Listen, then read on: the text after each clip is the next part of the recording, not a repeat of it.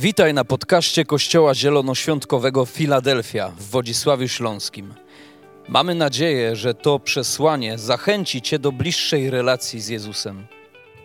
Jeżeli jesteś ciekaw, kim jesteśmy, zapraszamy Cię do odwiedzenia naszej strony internetowej filadelfia.org.pl. Do zobaczenia w Filadelfii. Muszę sobie obrócić kazalnicę, choć chciałem sobie przygotować wcześniej, żeby nie musieć tego rozkładać. Dobra. E, Słuchajcie, jesteśmy dalej w cyklu nauczania Królestwo Boże. Powiem wam, że fajny to temat, tak jak pastor powiedział, pokazuje to, jaka jest Filadelfia, jakie jest jej serce, jak mocno bije i w jakim kierunku bije, w jakim rytmie bije. Ale myślę, że jak pociąg jedzie, tak, to w miarę pierwszych wrażeń, w miarę tego jednostajnego stukotu kół, czasami zapominamy o celu naszej podróży i trzeba czasami jakiegoś wydarzenia na trakcji kolejowej, żeby nami potrząsnąć, żebyśmy się mogli przebudzić, zreflektować, że jednak jedziemy, że jednak mamy jakiś cel, ta podróż dokądś zdąża. Ja bym dzisiaj chciał zrobić taki takie miejsce jakby zatrzymania, żeby znowuż powiedzieć o tych podstawach tego, dlaczego mówimy o Królestwie, czym ono jest dla nas i jaka jest tak naprawdę fundamentalna wartość, do której wszyscy powinniśmy dążyć. Jak sięgniecie pamięcią do tyłu, zauważyliście, że często mówiliśmy o sytuacjach, o pewnych wartościach, o pewnych prawdach, którymi żyjemy, którymi chcemy żyć, które chcemy, żeby się emanowały w naszym życiu. Ja dzisiaj chciałbym postawić nam takie retoryczne pytanie, jaka według Was, jaka według nas, w naszej opinii jest najbardziej fundamentalna wartość naszego życia, do której dążymy.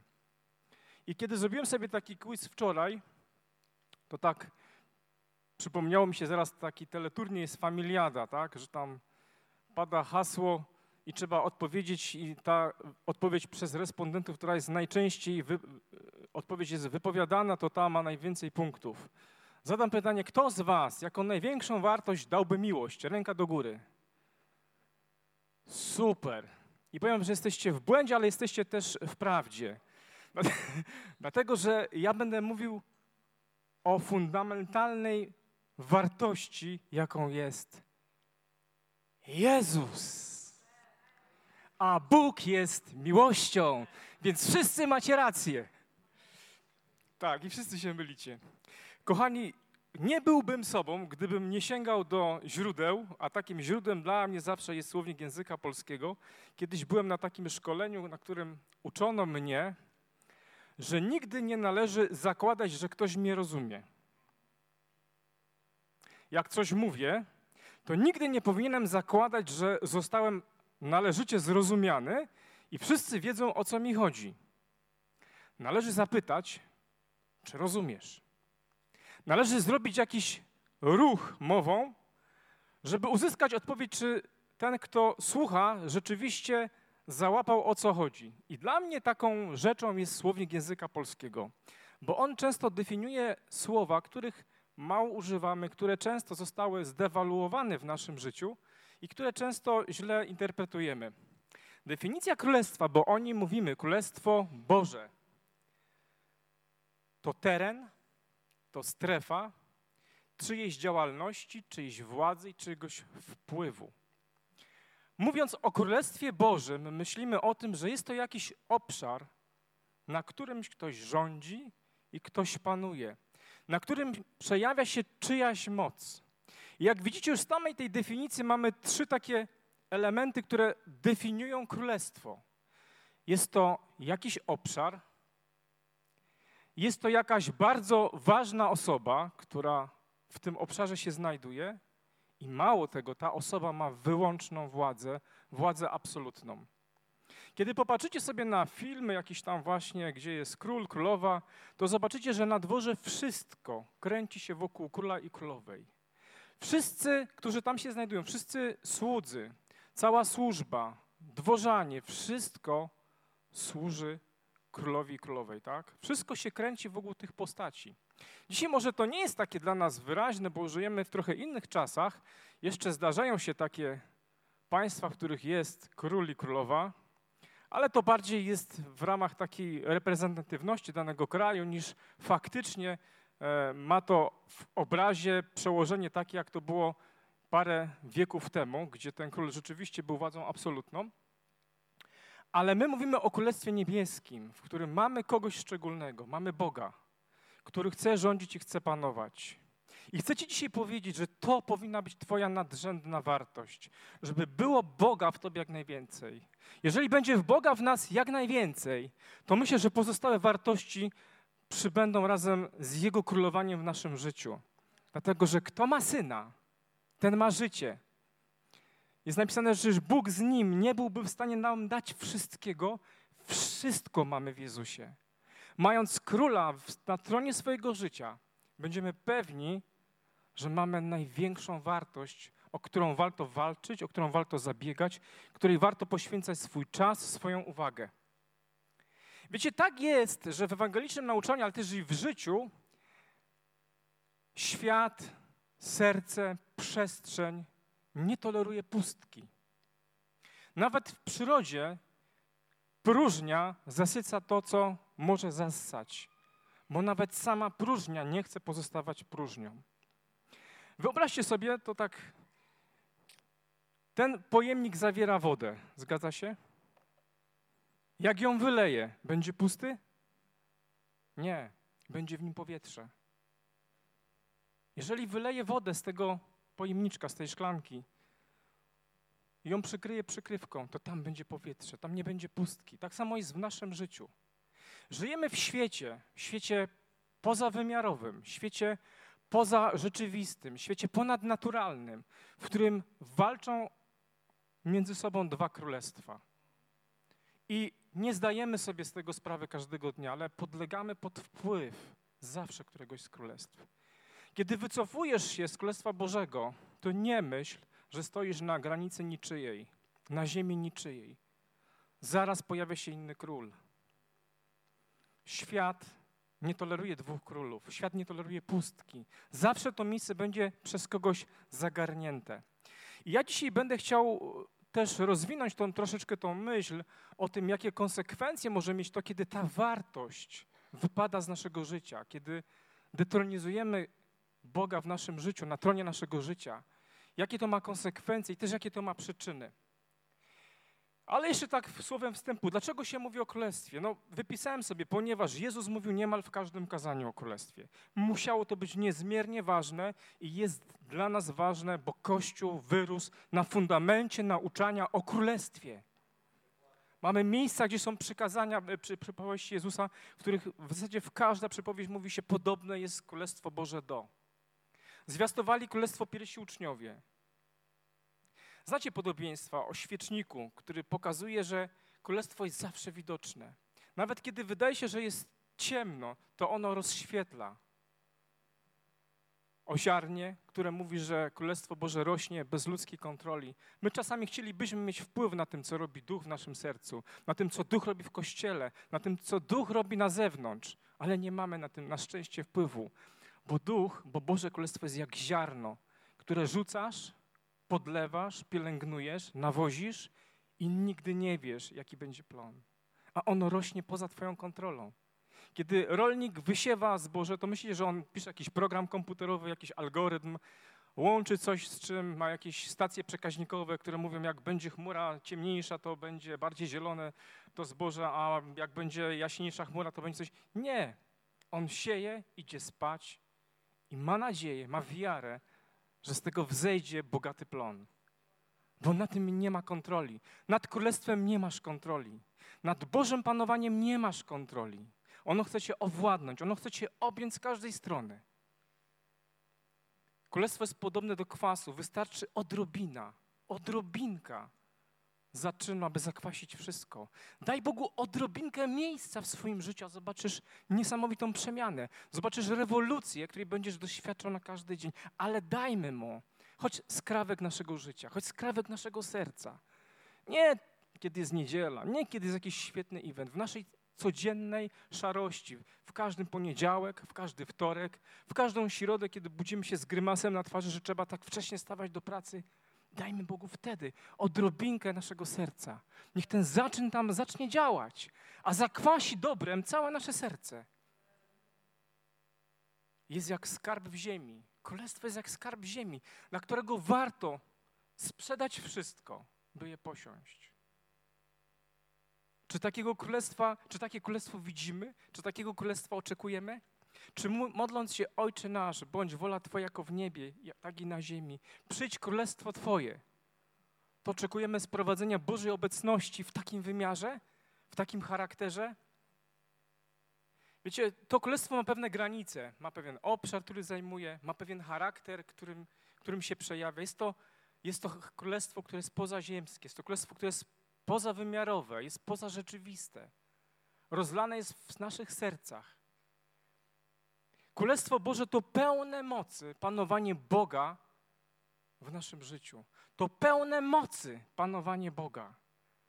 Pełne mocy panowanie Boga. Czy wiecie, co to jest moc? Moc z fizyki ma taki niesamowity wzór. Nie wiem, czy będziecie, jeżeli się uda wyświetlić na slajdzie, to może zobaczymy. Jest taki wzór na moc. O, jest. Znacie to? P to jest moc. To jest, to jest symbol mocy. W to jest praca, symbol pracy. A T to jest symbol czasu. Mówimy, że moc to praca, która jest wykonana w jakimś czasie. Wiecie, to jest teraz matematyka, ale jeżeli będziemy podnosić W, dodawać pracy, to będzie nam też rosło P, będzie rosła moc. Ale odwrotnie proporcjonalnie, jeżeli będziemy skracać czas, to będzie rosła moc. Więc moc to jest praca, którą Bóg wykonuje w moim i w Twoim życiu w jakimś czasie. I tego czasu nie mamy za dużo. Ten czas musimy skracać. Ten czas musimy skracać, żeby Bóg jak najszybciej mógł działać w Twoim życiu. Nie ma na co czekać. Jeżeli On nie jest królem Twojego życia, dzisiaj jest czas i dzisiaj jest dzień, gdzie możesz do Niego zawołać, bo ten mianownik jest bardzo grymaśny i na niego nie mamy wpływu. Nigdy nie wiesz, ile będziesz żył. Jest jeszcze inny wzór, który mówi o pracy, że jest to siła pomnożona przez prędkość. To jest to, co robi Bóg. Bóg daje siłę i robi coś dynamicznie. Duch Święty z greckiego to dynamos, to siła, to pęd, to moc. Królestwo Boże to coś, co ma eksplodować w naszym życiu. Ale będzie wtedy eksplodowało, kiedy w Twoim sercu będzie największa, najwyższa, najbardziej fundamentalna wartość, jaką jest Jezus. I teraz chciałbym, żebyśmy sięgnęli do jednego tekstu, który pokaże nam taką historię ze Starego Testamentu. Ja bardzo lubię Stary Testament, wybaczcie mi, jak ktoś lubi nowy, tego nowego dzisiaj trochę mniej. Pierwsza Samuelowa, ósmy rozdział, pierwszych 22 wiersze. Spróbuję to odczytać. Pierwsza księga Samuelowa, ósmy rozdział i 22 wiersze. Gdy Samuel się zestarzał, sędziami Izraela ustanowił swoich synów. Starszy miał na imię Joel, a młodszy Abdiasz. Byli oni sędziami w Berszebie. Wiecie, to niesamowite. Ta historia się świetnie zaczyna. Samuel, pamiętacie, wymodlone dziecko, miał synów i dał im cudowne imiona. Abiasz, Bóg jest ojcem. Joel, Jahwe jest siłą. Wiecie, fajną rzeczą jest, kiedy my jako świadomi ludzie nadajemy znaczenie rzeczom, ale jest jeszcze cudowniejszą rzeczą, kiedy jako świadomi ludzie nadajemy znaczenie naszym dzieciom. Moje dzieci mają imiona, które mają znaczenie, bo tak chciałem, żeby miały znaczenie, żeby nie były tylko dźwiękami, które gdzieś brzmią na dźwięk, których dana osoba się odwraca, ale by miały znaczenie. Ci chłopcy też mieli imiona, które dał im ojciec, które miały znaczenie. Ale czytamy w następnym wersecie, że nie postępowali oni tak jak ich ojciec. Wiecie, Biblia jest pełna przykładów, gdzie dzieci nie idą ścieżką ojca. Kiedy poczytacie historię Izraela, Królestwa Izraelskiego i Królestwa Judy, zobaczycie, że tam, jest, tam są przykre opisy, gdzie dziecko robiło jeszcze gorsze rzeczy niż ojciec. Kolejne dziecko robiło jeszcze gorsze rzeczy. Bywały perełki, gdzie syn przerastał chwałą, oddaniem, wiernością, bogobojnością swojego ojca. I to jest moją modlitwą, żeby moje dzieci poszły dużo dalej ode mnie. Wydaje mi się, że to jest modlitwa każdego rodzica na tym miejscu, aby jego dzieci, żeby zrobiły coś o wiele większego, aby miały się lepiej, aby były bliżej Boga, aby żyły z Nim jeszcze w lepszej komitywie niż ja dzisiaj. I mamy historię, w której tych, ci chłopcy byli zaprzeczeniem tego imienia. Chcę ci powiedzieć, nieważne jakie masz imię i nieważne jak ono dzisiaj brzmi. Bóg przychodzi, żeby dać ci nowe imię. Jest napisane w objawienia, że temu, który wierzy, który słucha, który przyjmuje słowa tego, co mówię, dam kamyk, a na nim wypiszę nowe imię. Bóg nada nam znaczenie. Bóg dzisiaj nadaje nam znaczenie. Kiedy oddajesz Jemu swoje serce i życie, On nadaje Ci nowe znaczenie, nową wartość.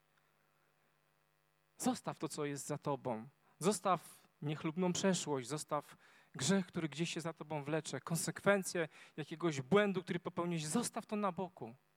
Skup się na tym, że On daje Ci nowe imię i daje Ci nowe znaczenie.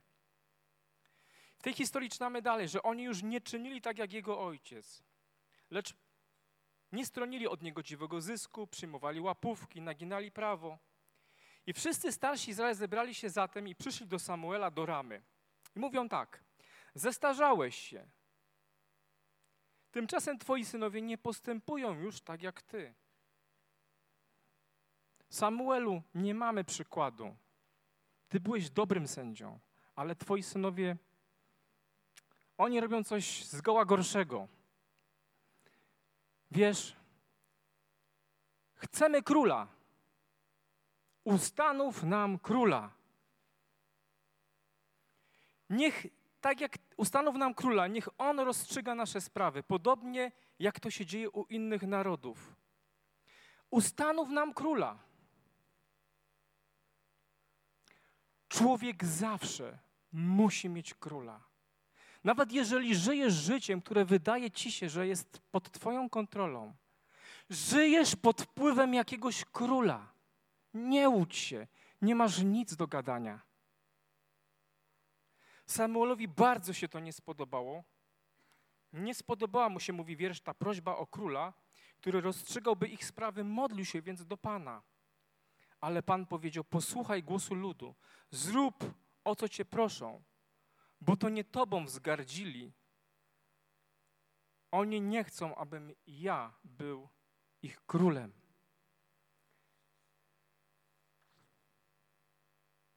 Kochani, co się dzieje, kiedy Bóg przestaje panować w naszym sercu? Co się dzieje, kiedy Bóg przestaje być królem? Co się dzieje, kiedy zamykasz serce na tą odrobinę zaczynu, tego kwasu, który ma rozprzestrzenić się po Twoim sercu? Jest są opisane te, te rzeczy, te wydarzenia, to, co się dzieje, jaka jest konsekwencja tego, kiedy najwyższa wartość ulega zatraceniu w Twoim życiu, są opisane w kolejnych fragmencie od 10 werseta do 22. Czytamy w wiersz 11-13. Samuel przestrzegł przed tym, że będą mieć króla. Jeśli zapanuje nad wami król, musicie liczyć się z tym, że będzie on brał waszych synów, obsadzał nimi swoje rydwany, czynił z nich swoich jeźdźców, puszczał biegiem przed swoimi rydwanem, wyznaczał ich na dowódców tysięcy lub wodzów pięćdziesiątek, zatrudniał przy oraniu swych pól, przy zbiorze swych żniw, przy wyborze, wyrobie uzbrojenia, osprzętu dla rydwanów. Będzie brał wasze córki do prac porządkowych, do kodowania, do robienia wypieków. Wiecie, tak, kiedy czytałem ten tekst, kiedy zastanawiałem się, to doszedłem do wniosku, że taką jedną z konsekwencji, jakie ponoszę, kiedy, kiedy zapominam o moim Bogu, żeby On panował, żeby działa się Jego wola, nie moja, to jest to, że ubożeję. Wiecie, nie chcę tutaj, żeby ktośkolwiek zrozumiał mnie, że teraz propaguję Ewangelię sukcesu, że jeżeli żyjesz z Bogiem, to będzie high life w życiu. Nie, nie, nie, nic z tych rzeczy.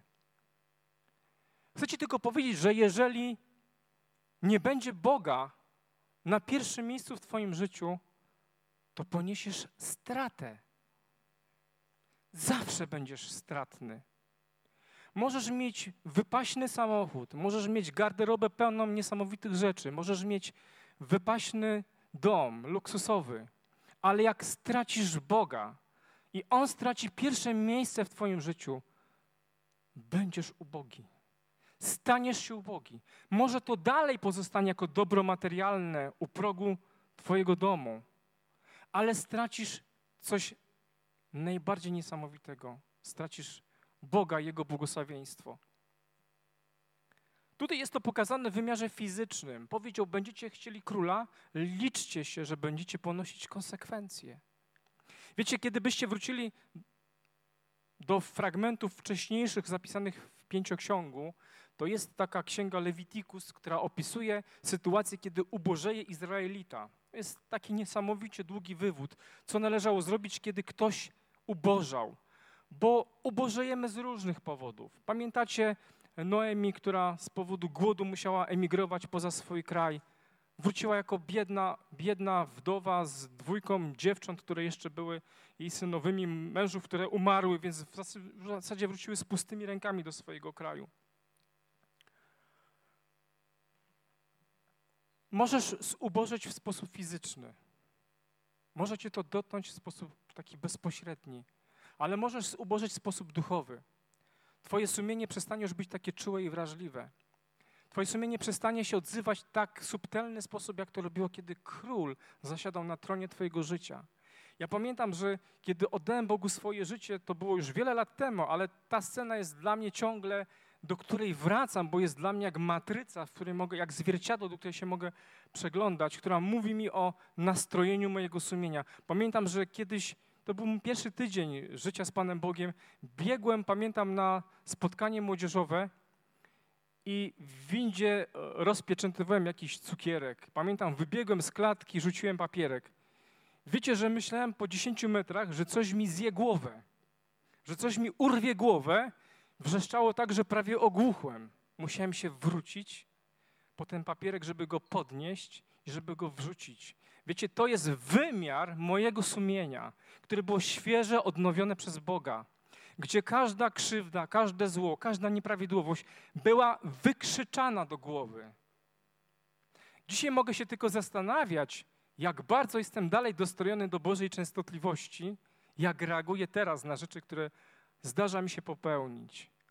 Jest to dla mnie niesamowity wyraz tego, kiedy jestem blisko Boga, to moje sumienie jest, wiecie, jak elektroda, iskrzy. Jak jestem dalej od Boga, to wiele rzeczy po prostu, jak to mówią kolokwialnie, wybaczcie, spływa jak po kaczce. A tak być nie powinno. Kiedy Chrystus nie jest w centrum Twojego życia, nie jest dla Ciebie wartością nadrzędną, będziesz ubożał. Będziesz ubożał bez dwóch zdań. Tak jak powiedziałem, nie głoszę Ewangelii sukcesu, ale Biblia mówi o tym, że Bogu zależy na tym, żebyśmy się naprawdę dobrze mieli. I powiem Wam, ja kiedyś miałem z tym problem. Problem wynikał z faktu, że jestem kim jestem, skończyłem taką szkołę, a nie inną, pracuję tak, a nie inaczej, zarabiam takie, a nie inne pieniądze. I był taki moment, że miałem z tym problem. Zastanawiałem się, czy, czy aby na pewno to jest coś, co jest Bożym błogosławieństwem, to, co mam w życiu. I powiem Wam, że uzdrawiająca była lektura Starego Testamentu, gdzie czytałem: Abraham dożył 175 lat, opadł z sił i umarł w pięknej starości, sędziwy i syty dni. Izaak opadł z sił i umarł i został przyłączony do przodków swoich, sędziwy i syty dni. Dawid, gdy był już stary i syty dni, ustanowił Salomona, syna swego królem nad Izraelem. I ostatni fragment, tak na szybko. I umarł Hiob, stary i syty dni. Może nie wszyscy będziemy mieć udział w takim błogosławieństwie, bo Bóg nas zna i wie, czy dobra, dobra materialne tego świata nie będą dla nas pułapką, nieszczęściem. Dlatego jedni mają więcej, drudzy mają mniej. Każdy ma na miarę swojej wiary. To nie jest też tak, że widzimy, że ktoś ma dużo, to jest wielki wierzący, bo każdego może zło, zwieść. To na, to na to nie ma jakichś patentów, żeby się ustrzec przed zwiedzeniem. Ale wierzę w to, że to, co nam daje Bóg, pochodzi od Niego i na pewno jest dobre. jeżeli masz dobra materialne i pochodzą uczciwą pracą, którą nie zarobiłeś, to na pewno są wynikiem błogosławieństwa Boga. Są dobrem dla ciebie, po to byś się nim mógł cieszyć. Ale kiedy nie ma Boga w twoim życiu, to wszystko jest stratą. Paweł powiedział, wszystko uznaje za gnój wobec doniosłości, jaką jest poznanie Jezusa jaką jest uczynienie Jego główną osobą, celem swoich pragnień, dążeń i pożądań. On i tylko On. Wszystko inne nie ma znaczenia. Nauczanie, kazania, misje, kościoły, zbory to jest bez znaczenia. Ja patrzę, jak biegnę i oglądam się do tyłu, żebym sam biegnąc nie był odrzucony. Tak mówi Paweł. Dla niego Jezus w szczycie jego życia, jego duchowego rozwoju był dobrem nadrzędnym, był wartością nadrzędną. Wszystko inne przestawało się liczyć. Co nam grozi w kolejnym, w kolejnym wydaniu, kiedy będziemy odstępować od Boga, kiedy On będzie spadał z naszego tronu życia? Czytamy w wersecie 18. A gdy któregoś dnia zaczniecie narzekać z powodu wybranego przez was króla, wówczas Pan was nie wysłucha. Wiecie, im dłużej trwają nasze ciche dni przed Bogiem, tym trudniej jest nam wrócić. Ale też tym bardziej należy się liczyć z tym, że jesteśmy poza Jego prowadzeniem. Wiecie, ja wierzę, że Bóg jest tak jak dobry ojciec, który widzi rozbrykanego, kromnego syna i może nie leje kijem rózgą, ale wycofuje się, żeby on się uspokoił. Wiecie, mnie się zawsze podobało, jak pastor mówi o pieskach. I my też mamy pieska. Mamy pieska, słuchajcie. Dołączam do, do grona kaznodziei z psami. mamy czarnego diabła, normalnie bestia będzie. Nie z tej klasy co, co pastora, ale też jest groźny. Przynajmniej groźnie wygląda. Ale wiecie, jak to jest nowy pies, nowe obowiązki, trzeba też poczytać trochę lektury, coś się dowiedzieć. I trochę zaskakującym dla mnie było to, jak moja Asia, która jest mentorką w dziedzinie szkolenia, oczywiście szkoli pieska i szkoli też mnie, żebym wiedział, jak się obsługiwać pieskiem, bo to nie jest takie, kochani, prosta sprawa. Nie, nie. Tu się liczy konsekwencja. I w tej konsekwencji moja się jest bardzo wytrwała, także w pewnym etapie powiedziała mi tak, kiedy pies robi coś niedobrego, to co należy zrobić? Należy się wycofać. Należy się obrócić. Należy poczekać, aż on się uspokoi. Wiecie, to się naprawdę kłóci z moją ludzką naturą, bo ja pierwsze co będę mu zaczął uspokajać. Dobry piesek, nie bój się, grzeczny, czy tam jakieś inne, wiadomo, stosownie do danej sytuacji. A tu nie. Ponoć trzeba się obrócić, trzeba skamienieć, nie wydawać z siebie żadnych dźwięków, zupełnie się gdzieś schować w sobie i czekać, aż on się uspokoi.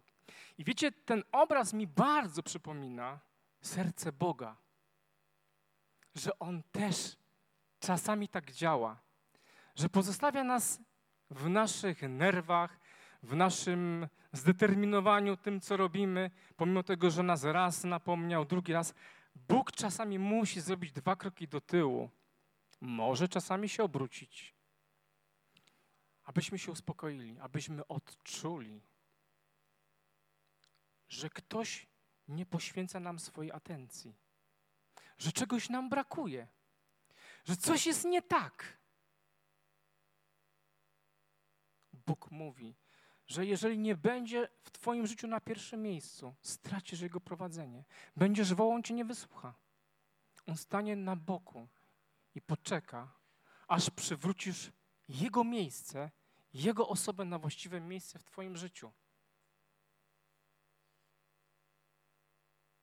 W dziewiętnastym wersecie czytamy kolejny efekt, jaki przynosi nam to, że odstępujemy, że Bóg jest detronizowany w naszym życiu. Dziewiętnasty wiersz mówi, lud nie chciał jednak posłuchać głosu Samuela. To jest smutne, że kiedy Bóg przestaje rządzić w naszym życiu, kiedy nie żyjemy zgodnie z Jego wolą, to stajemy się głusi na wszystko. Powszednieje nam Jego słowo, powszednieje nam nauczanie, powszednieje nam nauczanie e, z tego miejsca, powszednieją nam dobre słowa dobrych ludzi, powszednieje nam wszystko. Stajemy się głusi, nieczuli, nie słyszymy. I powiem Wam, na koniec jest najgorsza z tych konsekwencji. I to jest konsekwencja, która może potrzebuje więcej, może potrzebuje mniej czasu, ale wierzcie mi, że tak się dzieje. Dwudziesty werset. Oni mówią, nie to, że nie chcą słuchać, to jeszcze mówią, chcemy być jak wszystkie inne narody. Niech król rozstrzyga nasze sprawy, niech staje nam na czele i prowadzi nasze wojny, bo chcemy być jak inne narody. Chcemy być jak świat. Chcemy być jak nasi sąsiedzi, jak grupa społeczna, w której się znajduję, jak moi koledzy z pracy, jak środowisko, w którym mieszkam. Chcę być jak zwykli, normalni ludzie. Chcę się zaszyć. Nie chcę emanować królestwem. Nie chcę, żeby ktoś mnie utożsamiał z wiarą i z Bogiem. Nie chcę mieć z tym nic wspólnego. Chcę mieć normalne, zwykłe życie. A Pana Boga w razie sytuacji, gdy będzie się działo gorąco.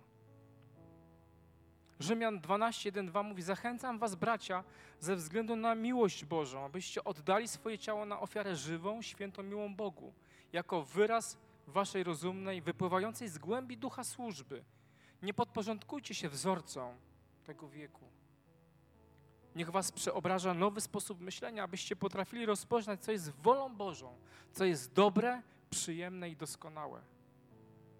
Wiarołomni, czy nie wiecie, że przyjaźń z systemem wartości tego świata, spoza królestwa, jest okazaniem wrogości wobec Boga, mówi Jakub. Zadam pytanie, tak kończąc. Jaka może być przyczyna takiego tragicznego stanu? Jak może się stać w naszym życiu, że, że wpadniemy w takie, w takie domino? Jak to się stało tam? Dwie rzeczy. Zawsze są jakieś przyczyny. I powiem Wam, chodzę z Panem Bogiem już długo, prawie 40 lat. I one są zawsze te same. I diabeł, jeżeli coś się rujnuje w moim życiu, to diabeł zawsze mnie oszukuje na dwóch rzeczach. Na dwóch prostych i jakże fundamentalnych rzeczach. Nie wiem, może ja taki jestem, może każdy z nas jest na pewno inny, ale to jest moja jakaś słabość i moja podatność. Ale czytając ten tekst, upewniam się, że ona jest też bolączką wielu spośród nas. Wiecie, dlaczego oni chcieli króla? 4 i 5 z tego ósmego rozdziału. Wszyscy starsi Izraela zebrali się zatem i przyszli do Samuela do Ramy. Zaczęli mówić o tym, że synowie nie postępują. I co zrobili? Wymusili, żeby Samuel ustanowił króla. A mieli dobre wzorce. Pamiętacie Mojżesza, który spędzał dnie, całe dnie będąc pośrednikiem pomiędzy ludźmi a niebem. Nawet jego teść Jetro powiedział, słuchaj, Mojżeszu, na co ty się piszesz? To jest, to jest syzyfowa robota nie do przerobienia. Jak to? Ty siedzisz i czekasz, stoją ludzie w kolejce i mówią ci o swoich potrzebach i ty w ich imieniu rozmawiasz z Panem Bogiem i dajesz im recepty? Bez sensu, nie dasz rady. Zajedziesz się w krótkim czasie. Wypalisz się i wyeksploatujesz. Zrób inaczej. Porozstawiaj wybranych ludzi, którym ufasz, podziel ich na pewne grupy, na pewne kohorty i niech te grupy ludzi zajmują się innymi grupami ludzi, a ty interreaguj tylko w, w sytuacjach naprawdę ekstremalnych. Izraelici mieli wypracowany sposób na załatwianie spraw. Niebo. Niebo byli sędziowie, oni byli w kontakcie z niebem. Twoja ścieżka prowadzi do nieba. Zasłona została rozdarta. Masz dostęp do nieba. Nie trzeba czekać na połączenie jak z międzymiastową kiedyś. Niebo jest otwarte. Niebo jest otwarte. I Bóg jest gotowy Cię słuchać. Niebo jest otwarte. Dzisiaj w tym miejscu jest niebo otwarte. Potrzebujesz tylko przyjść, nic więcej. Tam siedzi król, który chce Cię uhonorować, chce Ci nadać nowe imię, nadać znaczenie.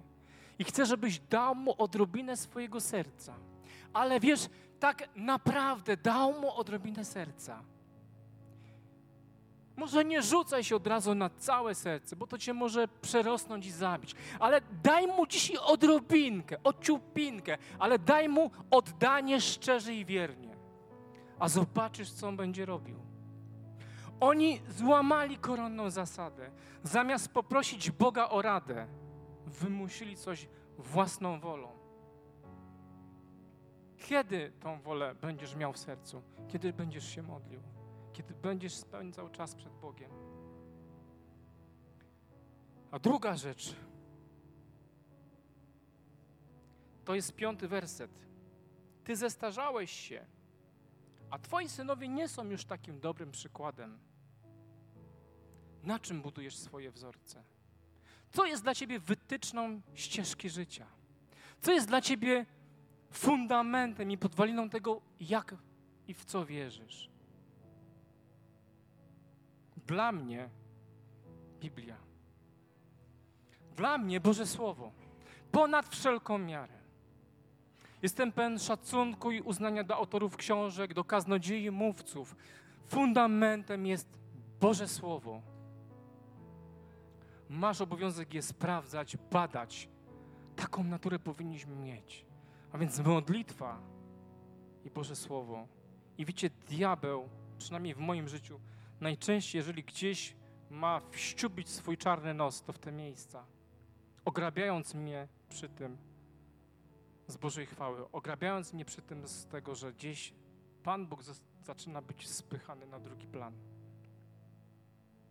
Chcę Cię dzisiaj zachęcić do tego, abyś na nowo przewartościował swoje życie i zadał sobie pytanie, czy Jezus jest nadrzędną, fundamentalną wartością Twojego życia? Czy dla Niego jesteś w stanie zrobić wszystko? Czy jesteś gotowy na każde poświęcenie? Czy jesteś gotowy, aby spędzać z Nim swój czas? Aby karmić Jego słowem, Jego łaską? No i czy On jest Twoim królem? Bo jeżeli nie, to dziś jest czas, aby z tym coś zrobić. Niech Bóg będzie błogosławiony. Amen.